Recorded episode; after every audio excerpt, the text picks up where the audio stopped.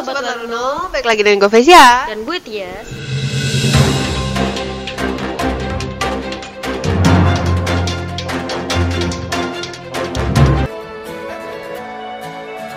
Ya, apa sih startup itu? Dan apa aja sih contoh bisnis sukses startup di Indonesia? Ya, penerapan dunia teknologi terutama internet di dunia bisnis membuat siapa pun dapat membuat sebuah bisnis dengan mudah dan juga cepat. Apalagi beberapa tahun belakangan ini Indonesia masuk ke dalam euforia atau startup di mana para entrepreneur-entrepreneur muda menciptakan bisnis startup yang memiliki inovasi dan juga kreativitas tanpa batas. Gila-gila. Ya, kata startup pun menjadi sangat familiar nih di dunia entrepreneur. Namun tidak sedikit yang belum mengetahui juga nih arti kata dari startup itu sendiri. Di sini kita bakal bahas lebih lanjut definisi dari kata startup. Ya, so, jadi apa sih startup itu? Nah, pada dasarnya startup atau start dan up adalah sebuah perusahaan yang berjalan di bawah 5 tahun alias perusahaan yang baru aja merintis. Menurut Wikipedia yang gue dapat, startup adalah perusahaan yang belum lama beroperasi. Oleh karena itu, startup lebih sering disebut sebagai perusahaan rintisan. Namun pada sekitar tahun 2000-an, sejak masa industri.com populer, pergeseran makna startup di dunia bisnis pun mengalami pergeseran arti. Jika dulu startup disebut sebuah bisnis yang baru saja berjalan, tetapi saat ini arti bisnis startup sudah tidak dimaksud dan didefinisikan dengan maksud tersebut.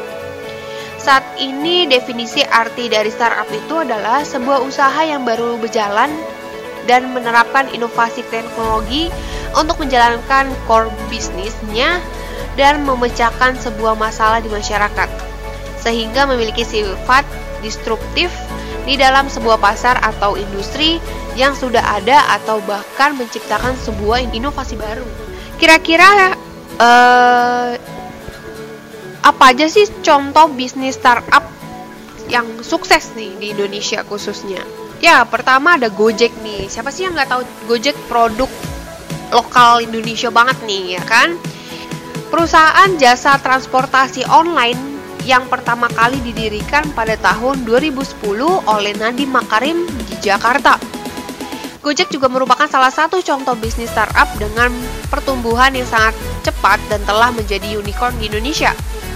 Perusahaan startup ini bergerak di bidang transportasi online telah berhasil mengubah gaya hidup sebagai masyarakat Indonesia dengan menggunakan layanan transportasi berbasis aplikasi.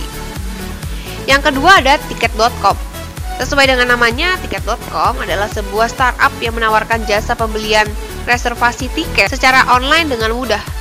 Didirikan pada tahun 2011, kini tiket.com mulai berencana mengembangkan bisnisnya hingga keluar Indonesia. Di antaranya seperti Hong Kong, Australia, China, dan juga Malaysia, kawasan yang akan menjadi sasaran memperluas cakupan pemasarannya. Ya, kira-kira bisnis apa lagi nih yang sukses startup? Nah contohnya lagi nih Sobat Larno, yang ketiga ada Tokopedia. Secara resmi Tokopedia didirikan pada tanggal 6 Februari 2009 dan diluncurkan ke publik pada tanggal 17 Agustus 2018. Wah, cukup lama juga ya. Ya, oleh William Tanuwijaya dan Leontinus Alva Edison.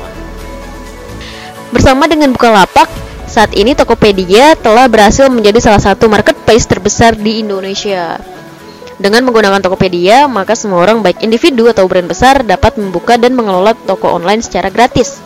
Tokopedia adalah startup teknologi pertama di Asia Tenggara yang berhasil memperoleh pendanaan investasi sebesar 100 juta US dollar. Wah, dari Sequoia Capital atau SoftBank Internet dan Media Inc. Media Inc.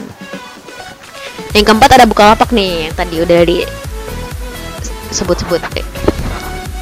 Bukalapak saat ini menjadi salah satu situs jual beli terbesar di Indonesia yang didirikan oleh Ahmad Zaki yang berasal dari Sragen, Jawa Timur. Salah satu layanan yang membuat startup ini disukai adalah sistem pembayaran yang aman dalam bertransaksi di mana pembayaran dari pembeli tidak akan langsung diterima penjual, melainkan ditampung sementara di Bukalapak. Nah, yang terakhir ada Traveloka. Ya, Traveloka ini merupakan startup yang sempat disebut-sebut sebagai unicorn Indonesia. Ferry Unardi, pendirinya adalah lulusan MBA dari Harvard Business School. Setelah lulus, ia memiliki ide soal pembuatan aplikasi pemesanan tiket penerbangan yang akhirnya direalisasikan pada tahun 2012 di Indonesia. Ia kemudian berhasil menerima dana dan East Ventures dan terus mengembangkan bisnis ini hingga kurang dari setahun. Ia uh, setelah ia mengambil kembali putaran Seri A pada bulan September 2013 dari Global Founders Capital. Lalu pada bulan Desembernya di tahun yang sama, Ferry Yunardi melaporkan bahwa Traveloka berhasil memproses 2 juta pencarian tiket penerbangan. Wow. Mantap sekali ya bisnis-bisnis ini nih. Ya, itu dia apa arti startup dan juga beberapa contoh bisnis startup yang sukses di Indonesia ya.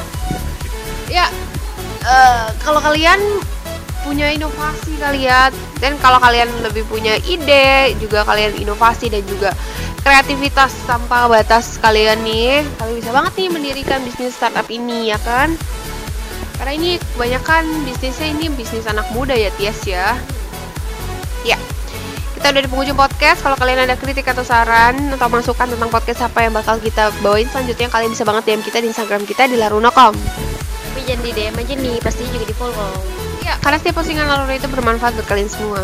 Oke. Okay. Ya, kita berdua pamit. Gue Felicia. Gue Tia. Sampai jumpa di podcast teman kerja Laruna lainnya. Bye.